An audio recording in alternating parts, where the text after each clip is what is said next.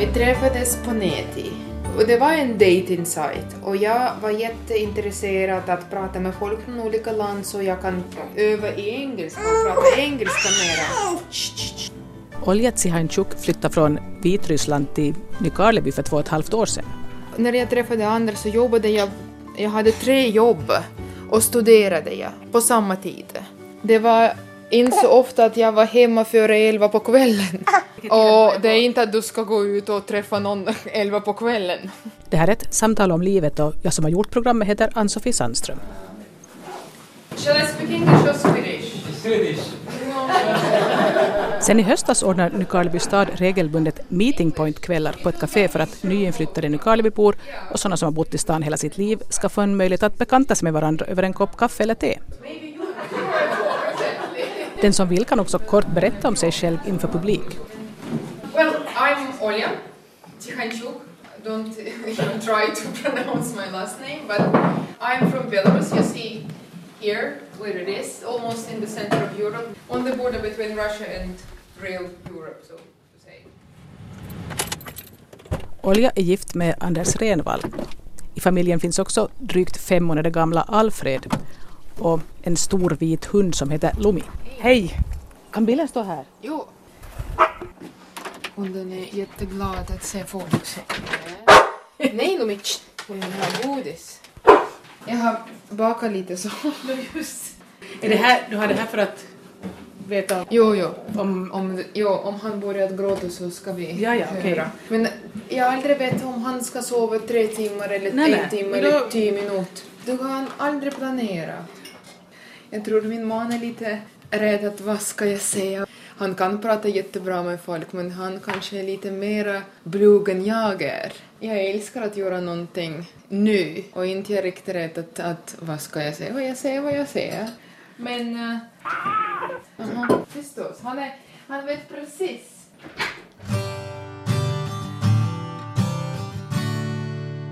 Eftersom jag var på plats när Olja berättade om sig själv på meeting point-träffen så vet jag ungefär vilka saker jag vill att hon ska berätta mer om och på svenska.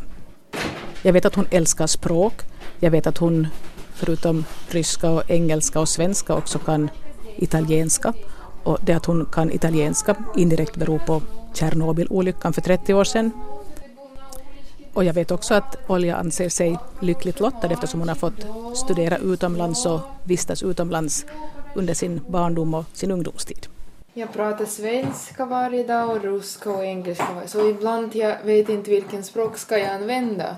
Och sen Anders mamma hon pratar finska med Alfred. Jaha, så hon är, ja, så hon är finsk Hon är finskspråk men hon pratar svenska Jo, jo, också. men att det är hennes jo, men, jo, precis, det är finska. Så, så, och Anders pratar svenska med honom.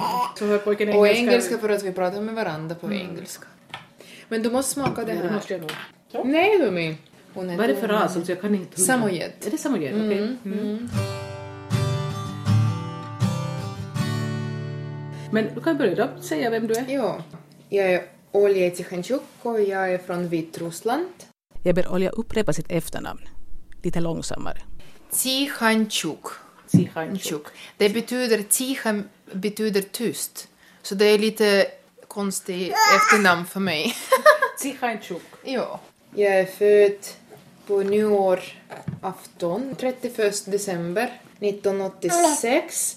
Men i min pass-id säger att jag är född 1 januari 87 för att jag var så sent på kvällen och mina, båda mina föräldrar barnläkare så de säger nej men hon kan vara lite yngre. Så istället för 86 är jag född 87.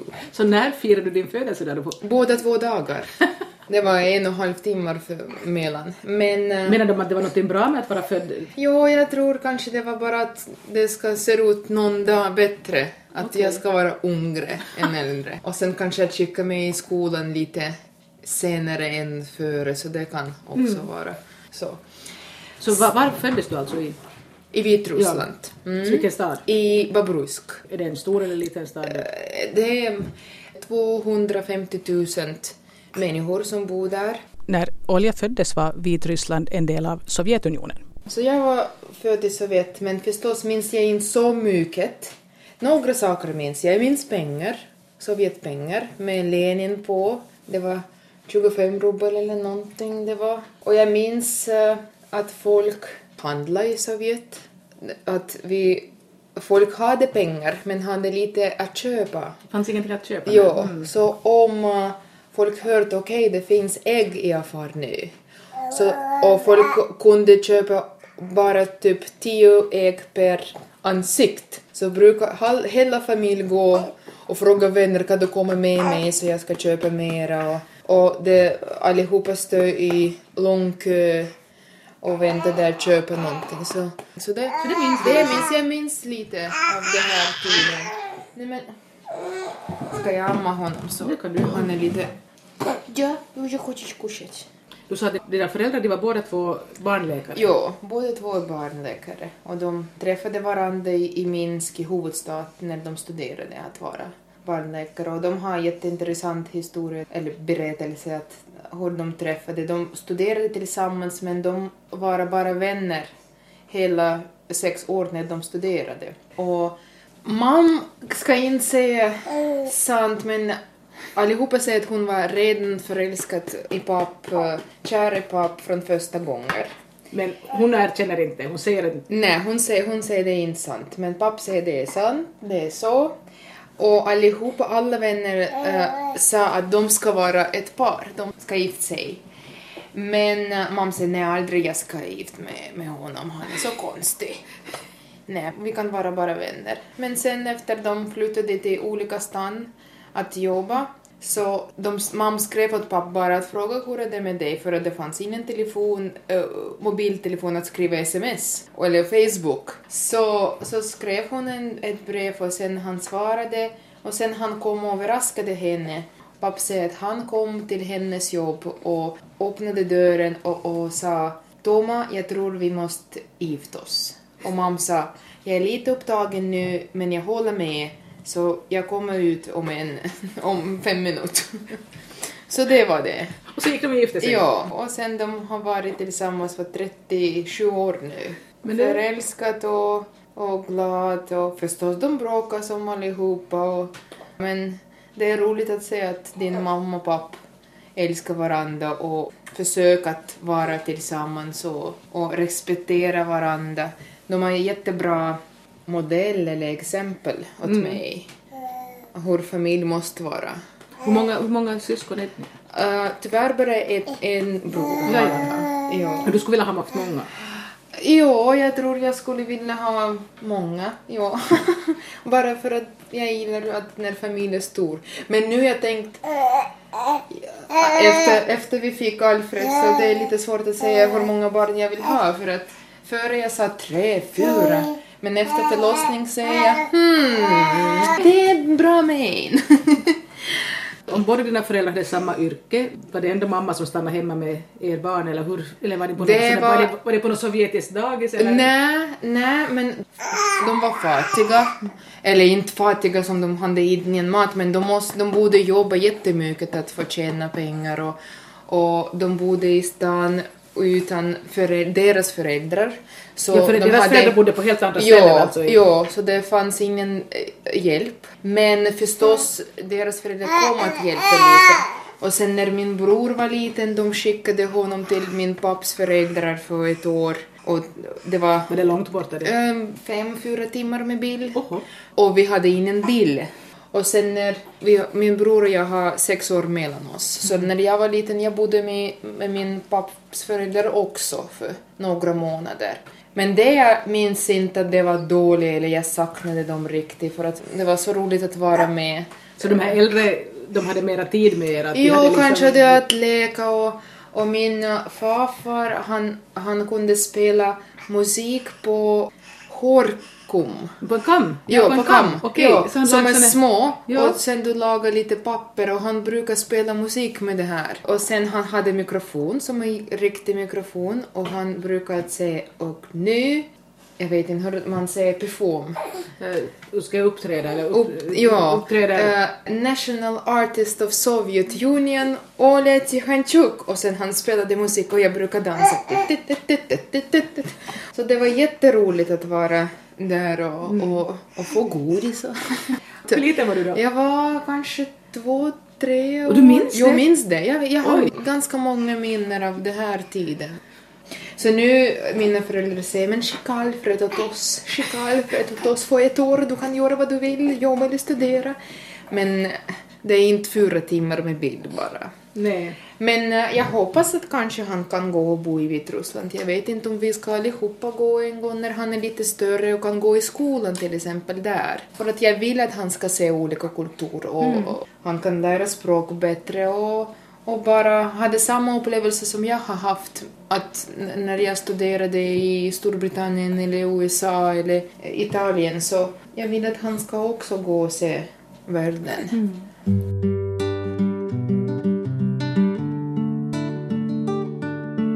Men så hur tidigt började du själv att tänka på vad du skulle vilja bli när du blev stor? När du var i skolan? Först jag ville förstås vara läkare för att hela familjen är läkare. Min föräldrar och sen mams föräldrar, mams bror. Så det var ingenting annat som jag riktigt visste. Men sen när jag började att resa och förstå att det finns andra språk som folk kan tala och, och sen började jag med musik, lite att lyssna på musik och jag, jag kunde inte förstå vad folk sjunger om på engelska. Så jag minns tiden, det var för, före internet. Jag var kär i Backstreet Boys förstås. Det är min, min tid. Så ville jag förstå vad de sjunger om så lyssnade jag på det här gamla tapes och försökte att skriva vad de sjunger med rysk bokstav, bara vad jag hör. Och jag ännu har det här hemma någonstans vad jag skrev och när jag blev, blev engelsklärare så det var roligt att se vad jag hörde och det var totalt Så du hade inte läst något engelska då ännu? Alls? jag läste men det var så svårt att förstå i sång när de sjöng och vet du det var Ergona Wona ingen i Sovjetskolan som hon- när jag var liten, vem undervisade det finns släng? Och sen förstås när jag var tio, det så, jag kunde inte riktigt engelska. Det var hello my name is, that's it.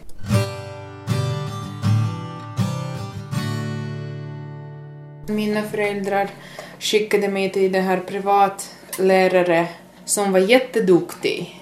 Hon lär mig samma som jag lär om sen efter om 11 år i universitet. Så när Oj. jag kom till universitet och vi började med fonet, phonetics första några månader, jag var så men jag gjorde det när jag var 10. Och så kanske du hade bra språköra också, att det var lätt för dig. det var Jo, jag, jag tror min bror är jätte, jätte duktig. Han hoppade över några klasser i skolan för att han kunde läsa så snabbt. Och, men inte jag. jag var bara så det att jag kunde sitta och njuta att studera. Jag var duktig men inte som ingenting speciellt. Men jag älskade att lära mig. Jag älskade att sitta och skriva. Och jag, vi hade häftigt om, och jag måste ha en perfekt penna och sitta och göra hemläxa. Och om jag skrev någonting fel så kastade jag bort det här häftet och tog ner. Så det var jättedyrt. Ja, det kan jag tänka mig. Vad var jag nu? Jag vill tala om vad du, du började om språk, att du var Jo, så jag var till det här privatlärare och, och mamma och pappa betalade ganska mycket pengar varje månad bara så jag kunde gå. Men jag var så stolt att jag kan gå och lära mig språk och mamma kom med mig först när jag var liten varje, varje gång och satt där och hon kunde lära sig också lite för att hon var med och, och hjälpte mig med hemläxa och allt. Så hon hade inte heller läst engelska? Nej, Hon läste lite i skolan förstås, men det var jättesovjet, så det, jag såg deras böcker efter. Det var bara propaganda. Men det är roligt. Jag, jag sparade, jag har någonstans där hemma i Vitryssland. När var du första gången själv utomlands till något annat land? Nej, jag var nio. Nu jag tänker jag var så ung. Ja, faktiskt. Och utan föräldrar. Jag var i Tjeck. Så det var 95. Ja. Så det var nästan strax, eller inte strax, ni så vet jag var uh, slutet i 90 först, men det var första gången att, att skolan eller några organisation började att göra det här resor utomlands utan att vara rädd att folk ska stanna där. Så vi var i Tjeck med skolan med 50 dollar i, i ficka att köpa ryggsäck eller men köpte jag glas för Glas för alltihopa. ja. Det var så goda glas så. Oljas föräldrar hade bara rest inom det som var Sovjetunionen. I fjol, det var första gången när de kom till bröllop här till Finland, men inte... Men det är också ganska intressant. De var inte utomlands, men de visste att man kanske måste gå. Och sen jag var allastans. De skickade mig allastans det var möjligt att, att gå. Så...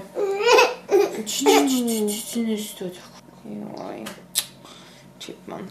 Men i vilket skede började du själv fundera på att språk skulle bli det du skulle jobba med? När jag var i Italien först, när jag var tio, som jag gick med barnet av Tjernobyl. Det var organisationen. Men du var ju född samma år som det hade hänt. Jo, jag var, jag var i magen. Jag var en månad när, jag var, när, det det, hände. hände. Jag var 25 dagar. Jag, man minns det här tiden. Och hon vet, hon, de, det var första maj, folk visste ingenting och de, första maj är det här Labor Day. Så allihopa gi- gick till parade. Marsch. eller Mars, så. ja. Och ingen visste att vad har hänt. Så, och mamma var gravid med mig. Bara en månad. Men eh, jag är lycklig, jag har fått ingenting. Om du tänker om det kom till Finland Ja, så... men det beror vi- också på hur det blåste. och Jo, det- och det blåste överallt från Vitru, Över hela- ja. över Vitryssland. Så det var, ja. Var det många där som fick som Ja, skador? min, min kusin, hon är två år äldre än jag, och hon fick där thyroid Sköldkörtel? Ja, Cancer? så hon är, ja, men hon överlevde, men hon fått lite, jag vet inte hur man säger, hon är nu lite invalid kan du säga, Ja, eller ja. slow, tyvärr. Och jag minns, min mamma hela tiden kände på mig. På din sköldkörtel? Ja, hela tiden. Och när jag var på hennes jobb, hon tog mig någonstans och de kollade. Så jag tänkte, vad är fel med mig? För varför mamma är så rädd att jag ska få någonting? Och, jag, och jag hade ingenting som var sjuk eller... Men hon kände att det är lite för stort nu, för stort. Hon, hon var så rädd, jag tror Ja. hon... Och, för, Och då, eftersom de var ju barnläkare båda precis, hon kanske såg för mycket. De visste ju kanske vad som kunde ha hänt. Ja. Och det var därför du fick åka till Italien då? Ja, italiener, de fick skatt för mindring... Skatt för, ja, alltså de betalar mindre skatt. Jo, de betalade mindre skatt om de bjudade barn från Tjernobyl. De var encouraged att familjen ska bjuda och ha barn med och betala resor, flyg och, och mat och vi gick och, och handlade och de köpte kläder och, och efter i Sovjet det var inte så lätt att köpa kläder och vi brukar köpa typ ett par skor för två vinter och om de är ännu bra så du ska inte få. Så, och samma med andra kläder. Du måste använda någonting för två season. Så när jag var i Italien fick jag jättemycket kläder för att min familj hade flickor som nästan samma, eller de var lite äldre än jag. Så du fick deras Så gamla kläder? ja, och det var jätteroligt. Därför kanske jag, gillar moden eh, nu, för att jag fick jättemycket kläder och jag var unik i Vitryssland. Jo. Var du flera gånger dit till Italien eller till samma familj? Tre, jo, tre sommar. Varje sommar en månad. Han Ja. lärde dig italienska där också? Ja, jag var jätteduktig. Jag tror barn lär sig så, så snabbt. Mm. Så första året jag kom och jag visste ingenting. Allihopa säger ciao, ciao, ciao. Men i Vitryssland om du säger ciao det betyder goodbye. Så jag var varför säger jag? Jag var så rädd att de ska skicka mig tillbaka någonstans. Vet du, är tio år gammal första, inte första gången utan föräldrar men en månad utan föräldrar. Och det var jättebra att lära sig språk. För att efter en månad efter första år kunde jag ringa åt dem från Vitryssland och vi kunde prata, prata över telefon. Förstås, jag visste ingenting om grammatik och kanske jag pratade som bara med infinitiv, men det gick. Var någonstans i Italien var ni då? Det var Bergamo, riktigt, riktigt små by, Sola. Och sen för två år sedan var vi där på besök igen med Anders, om 15 år efter. Allting var så liten, men det kändes så bra. Jag, jag gråtade för att vi var i Milan flygplats och de, min familj, de kom att träffa oss. Och de började att gråta också. Så alla de fyra stod och gråt och jag började att gråta och de sa varje år när du kom, det var det här flygplats och alla minnen kom tillbaka. Men jag var eh, jag var större än alla, eller eh, längre, längre än alla av dem. Nu. Så, ja, så det, inte då, men nu. Och sen Anders är nästan två meter, han var som två gånger högre än alla. Så det var, men eh, det var jätteroligt att se dem och de var precis som jag minns dem. De tog eh, oss till deras hus och, och jag berättade att vad jag minns att Franka, vad hon lagade för mat för att hon var jätteduktig att laga mat. Så hon lagade nästan då alla mat som var min favorit från, från det här Från den där tiden, ja, ja. så det var jätte, jätte eh, bra att se. Och tyvärr, den här franka mamma, hon dog i fjol i cancer. Jo. Men eh, Giuseppe som var papp och äldsta dotter, de ska komma på påsk nu, Nu? till Finland. Okej. Och vi skickar bilder åt dem att det finns snö. Så de är jätte, det är jättespännande åt dem att, att komma och se så mycket snö. Så du fick faktiskt som en helt ny familj där liksom? Jo, Du- du- jo, det var min andra Ja, familj. ja. Och de pratade, de pratade då lite engelska som jag när jag var tio. Lite, lite engelska. Så vi använde bara italienska. Och nu jag går också på arbetskurs på italienska. Så, och jag tror om, de ska vara här fem dagar så, så om, ja, om några timmar kanske jag kan prata jättebra italienska. Och det, är- det är roligt för att jag älskar italienska. Och Så- italiensk musik.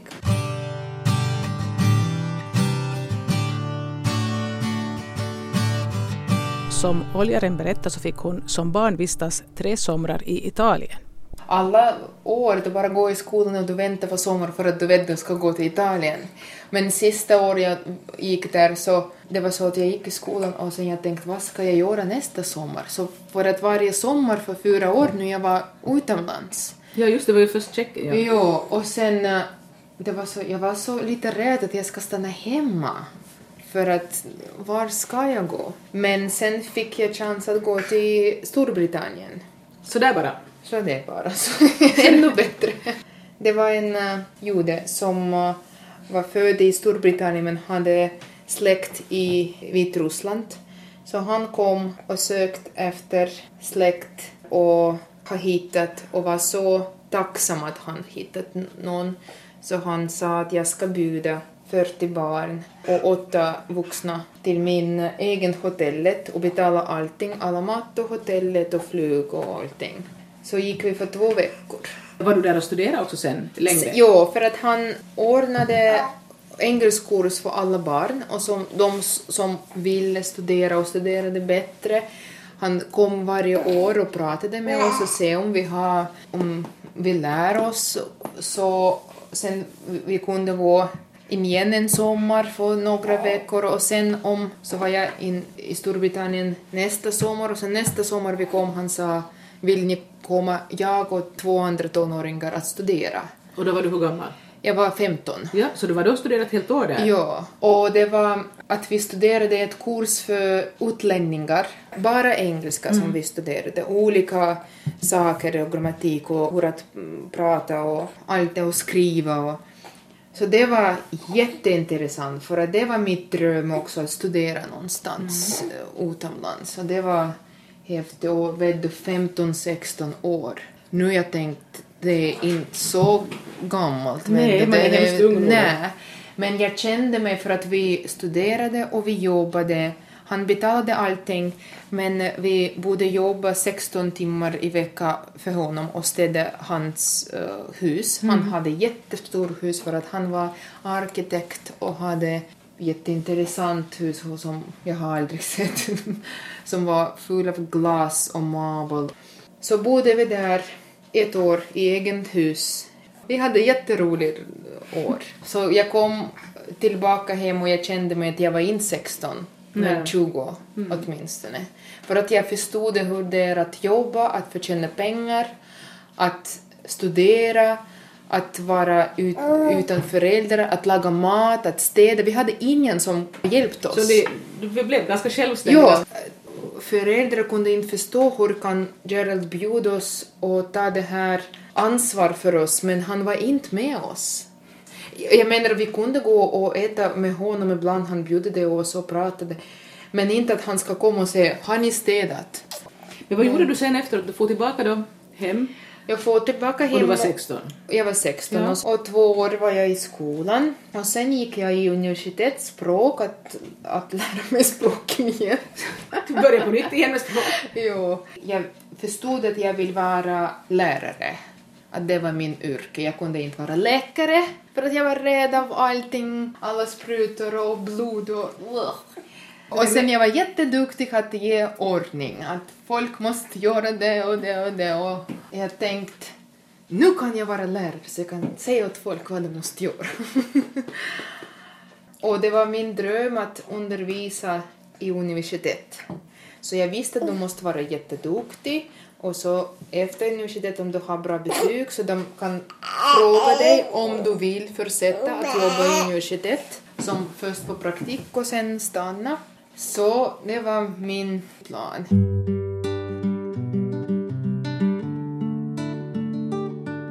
Olja studerade engelska och italienska på universitetet och redan under det andra året så började hon undervisa barn i engelska.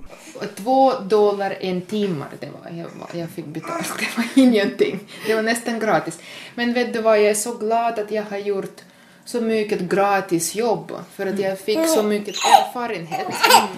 Och ibland folk säger okej, hon kan vara gratis, vi kan bjuda henne. Men jo, jag ska gå och göra allting om folk frågar för att jag vill ha erfarenhet. Det är, de tänker det är gratis men de betalar, de betalar det åt mig mer än de tänker. De Och du tycks ju ändå ha fått liksom åka till och studera gratis i, i England. Du har också Ja, fått saker gratis. Precis, precis. Och inte att jag funderat om jag gör jag ska få någonting, men det var bara roligt att göra saker.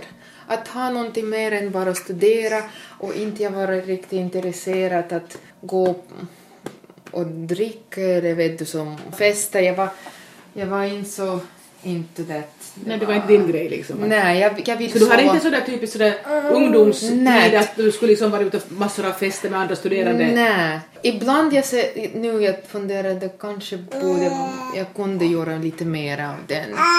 Men eh, jag var så trött för att jag gjorde så mycket saker på dagen så jag kunde inte vara vaken hela natten. Jag orkade inte. Nej. I något skede blev Olja också bekant med ett missionärspar från USA och fick en möjlighet att besöka det landet. Först gick jag bara för en månad. Så kom jag hem och det var, jag gjorde fjärde år i universitet men allting vad jag drömt var att jag ska gå och studera i USA. Att, att jag ska bo i USA. Att det är så lätt och så snyggt. Och, så jag fick lite så det American fever. Men äh, gick jag och studerade där ett år. Men äh, jag kunde inte riktigt stanna där. Ville du stanna? Jag ville inte riktigt Nej, stanna så du, var, du fick en annan bild av det då? Jo, jag bara förstod det att jag saknade så mycket mina vänner. Och sen amerikaner, amerikanska folk har så olika mentalitet. Så kunde jag inte riktigt, vi kan vara bra vänner och kan ha sällskap och kan umgås och bo, men inte riktigt hade jag det här känslor att det är mitt plats. Jag kunde inte få, det känns som jag är hemma. Men du studerade ett helt år, studerade du engelska då också eller? Jo, det var, det var inte bara engelska. Jag studerade några kurser som de måste göra. Typ matematik studerade jag och biologi och... Men allting var på engelska så det var, det var typ att jag studerade engelska. Och ha bara andra upplevelser av, av livet. Kanske. Då var du redan över 20 va? Jag var 22. Ja. ja. Hade du någon pojkvän någonstans under den här tiden eller hann du inte med något sånt? Nej, jag har alltid haft många pojkar som vänner. Mm. Jag är jättebra att vara vänner. Men, och jag har varit kär, kanske, men inte reciprocal. Som inte folk eh, som var jag med kär i, de var inte kär i mig. Så det gick lite fel? Ja, men uh, jo, så jag var lite så det... Inte var det tragiskt. Jag kan inte säga att jag var så traumatiserad att jag kunde inte... Nej, jag brukar vara okej. Jag gillar honom. Vi ska se om han ska gilla mig. Jag hade ingen problem att gå och säga jag gillar dig. Vill du gå till och göra någonting tillsammans eller gå till, på bio eller, eller umgås och ta kaffe? Och ibland det gick vi gick på, på kaffe och, och sen förstod jag nej, han är bara snygg men in, det är ingenting bakom. Och, och, eller jag var kär i men de var inte. Men det, det går så det, om det är nej, det är nej. Det bara går till nästa. och se om det är någonting där. Inte ska jag sitta och gråta hela livet, det gick inte med. Och sen jag förstod att det är hon. och pappa alltid sa jag ska hitta min prins en dag. Så jag bara väntade. Men jag förstås gråtade när jag såg på alla romantic comedies och alla. Men nu jag minns det som det skrattade bara. Och jag är glad att jag fick jättemycket upplevelser också fast jag var inte, jag har aldrig haft riktig pojkvän. Men jag har träffat många, många pojkar och jag kunde förstå vad jag vill och vad jag vill inte. No, vad, visste du, vad ville du ha då? Vad ville du inte ha? Jag vill, jag vill vara mig själv med och känner att jag kan vara vem jag är. Och sen det måste vara bra sense of humor. Och sen att skratta och kan vara dum tillsammans och kan vara tyst tillsammans. Och sen att, vet du vad, när du säger vad vill du ha, det är så svårt att säga för att man kan vill men man ska inte få. Att det är alltid en kompromiss. Så då är ibland, du vill inte ha det här, uh, någonting, men du får det, men det är kanske inte så dåligt för att det är någonting annat som är så...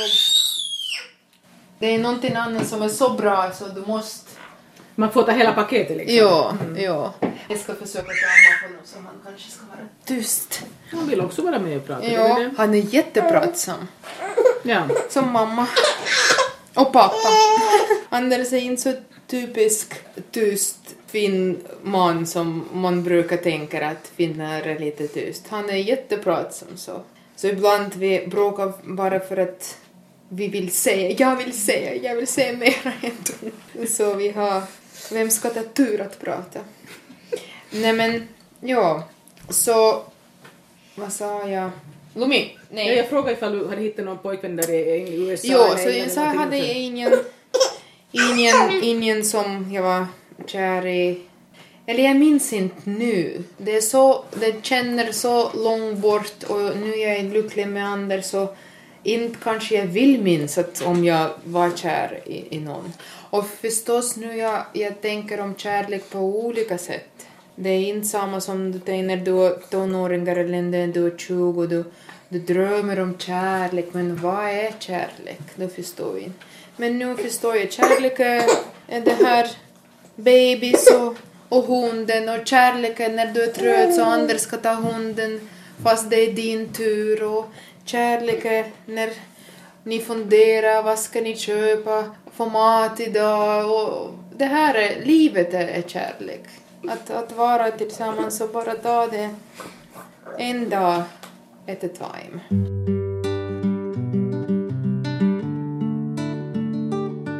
Vi har pratat om Anders här flera gånger men hur träffades ni? Vi träffades på Neti. Och jag var jättemycket på Neti och jag är inte ashamed of it att ibland folk säger ska aldrig säga de träffade någon på nätet. Och det var en dating site och jag var jätteintresserad att prata med folk från olika land så jag kan öva i engelska och prata engelska mera.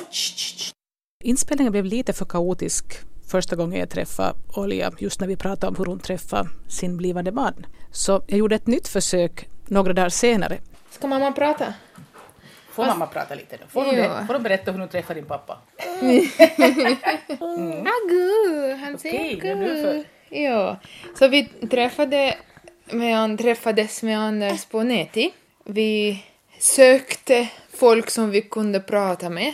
Anders var, han förlorade hans papp så han var lite ledsen så han behövde ha någon att prata med som visste inte om papp och bara att prata så han behövde inte prata om sorg. Så pratade vi för fyra månader med Anders och, och det var jätteroligt för att han var jätteintressant människor att, att prata med om olika kulturer och, och han, han resade ganska mycket så gjorde jag så vi hade mycket att diskutera. Men hade du sökt någon uttryckligen från Finland eller Skandinavien? Nej, det var, nej, det var bara... Jag älskar att prata folk med olika länderna. Och jag brydde inte mig vilken land han eller hon är från. Bara att jag kunde använda språk. Så, och samma med Anders. Han sa att, sen att han ville inte ha någon från Ryssland eller, eller Ukraina eller Vitryssland. För att han trodde att ingen ska prata engelska. Sen eh, när han skrev åt mig så jag kunde bra engelska så han var jätteglad. För att vi ville inte fundera hela tiden på språk eller hur ska man berätta, men bara att prata utan att fundera på språk. Och kunde berätta allting vad vi, vad vi, vad vi ville. Hade du länge sökt någon på nätet då i det skedet? Nej, jag har varit... Jag, jag ska säga att det här... Alla folk som är samma ålder som jag, vi kanske växte upp lite i nätet. För att det var en ny sak för oss när vi var, vi var tonåringar, så jag tror det, var, det är ganska vanligt att folk hittar vänner på nätet. För att det var det här tiden. Vet du, om du tänkte om gammaldags folk träffade på dans och sen... Men vi hade internet så... Och dator var så ny sak och vet du, det var... Först det var stor dator och sen det var laptop, så det var intressant att vara och, och lära sig hur att vara med dator. Så varför inte träffa folk om du har dator? Så. Och dina kompisar hade ju också träffat sina Jo, jag har många som är gift, och inte, inte från olika länder, det var många som träffade från Vitryssland på nätet. Jag tror det är bra sak. Om du, när jag träffade andra så jobbade jag, jag hade tre jobb och studerade jag på samma tid. Så det, det var inte så ofta att jag var hemma före elva på kvällen. Och det är inte att du ska gå ut och träffa någon elva på kvällen. Fast du bor i storstan men inte stad, men det är inte att... Alltså bodde du i huvudstaden då? Jo, jo, jo, jo. Så sa jag åt Anders kom och se Minsk. Och han sa att jag har aldrig varit, han har varit i Ryssland men inte i Vitryssland och uh, så fick vi en, ett visa åt honom och han kom. Och jag trodde det var då när han vann 500 euro på Lotto på skrapplotto. Så det var typ, jo, för att det var jättedyrt att, att göra visa. Det var 250 euro bara för visum. För att vi borde göra det jättesnabbt. Och det var 250 för biljett. Så det var precis så, så ja. han, han vann sin resa till dig? Ja, och han vann mig, ska vi säga. att han borde inte fundera vet att hitta pengar eller att oj, det ska vara ett dyrt resa. Vilket år var det här nu då? Det här var alltså... Det var 2011. Vi har inte pratat på Skype innan, vi bara skrev e-mail och skrev på Facebook lite. Så det var jättespännande att höra varandra också. Men jag var kär i honom från först, när jag först såg honom. Han var så lång och så snygg och vitt hår och glasögon. Och han var så rädd. Rädd? Jag trodde han var överraskad att var är han? Han kanske också var orolig om jag ska, skulle komma, om jag finns, om jag är en kvinna. Vet du, eller det kan vara alltid på nätet, du aldrig vet. Så det kan vara att... Ja, om ni inte hade pratat och sett varandra så... Nej, så det, kan, det är bara om du skriver så det kan vara vad som helst. Så han var jätteglad och jag visste inte vad ska vi göra, ska vi shake hands eller ska vi kramas eller vad ska vi göra? Så jag lag min hand fram. Men han kramade mig. Så jag tänkte okej, okay, nu är vi bra kompisar. För att vi har pratat om allting för fyra månader så det kände att du, du känner de här människor men inte riktigt. För du har aldrig sett. En vecka har han varit. Och inte var vi kär, eller jag var, men inte han. Men han blev? Ja, det tog, det tog en stund. Men jag tror han är han ville göra allting rätt och det var förstås det svårt eh, beslut att ha relation på distans. Det är inte för allihopa. Hur ofta kunde ni träffas ändå de här åren? Som varje vi... två månader försökte vi att träffas. Alltså förstås vi pratade på nätet varje dag. Så vi träff, träffades varje, för två år, det var var, varje två månader. Och sen bestämde vi oss att jag ska flytta hit. Все хорошо.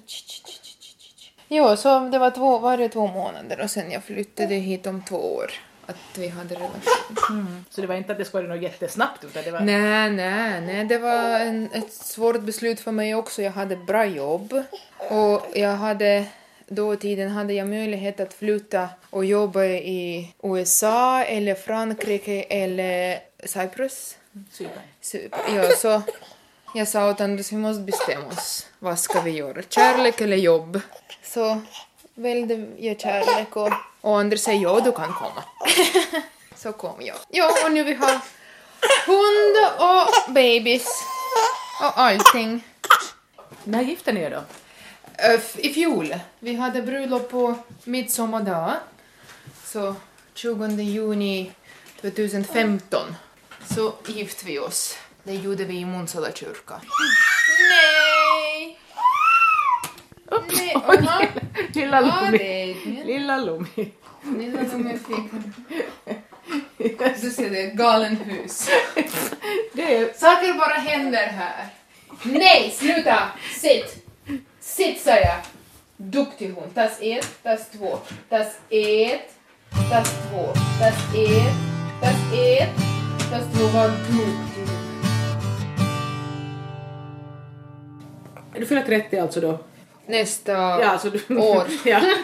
Och där, Men nu det är bra att säga nästa år. vid, års, vid, vid årsskiftet. Ja.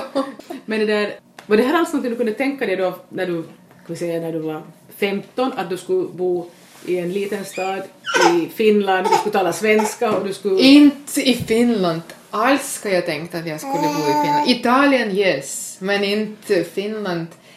På ett vis, jag, jag alltid visst att jag ska bo någonstans, inte i Vitryssland. Eller inte bara i Vitryssland. Jag visste alltid, för att jag började att resa så ung, så jag kunde inte tänka att jag ska vara hela år i Vitryssland.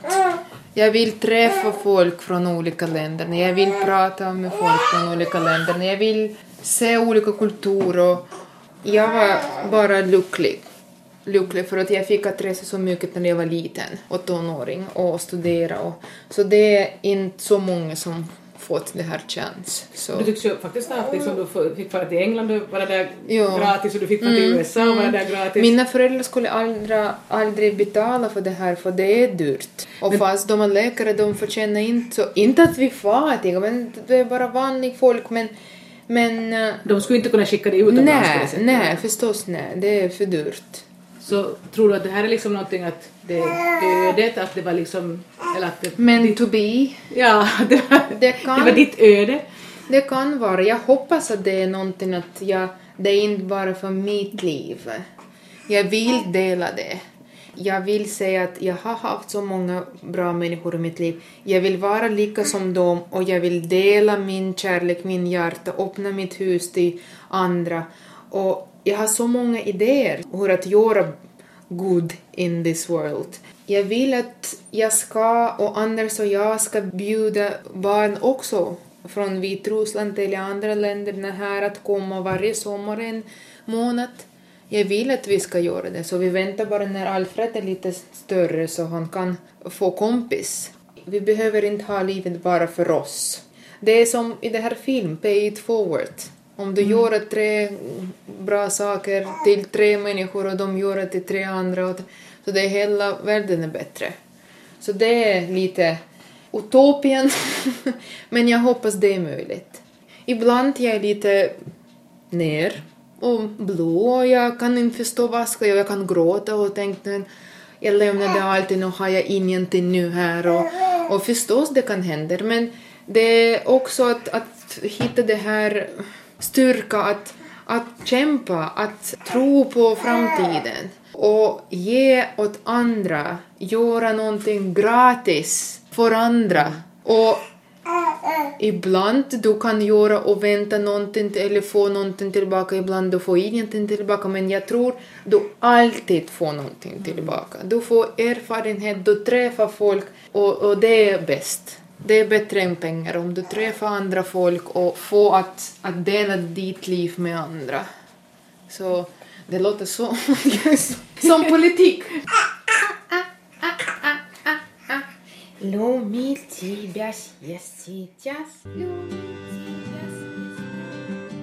Det här var ett samtal om livet med Olja Tsihanchuk som flyttade från Vitryssland till Nykarleby för två och ett halvt år sedan. Och I programmet hörde man också ganska mycket av drygt fem månader gamla Alfred och hunden Lumi. Och jag som gjorde programmet heter Ann-Sofie Sandström.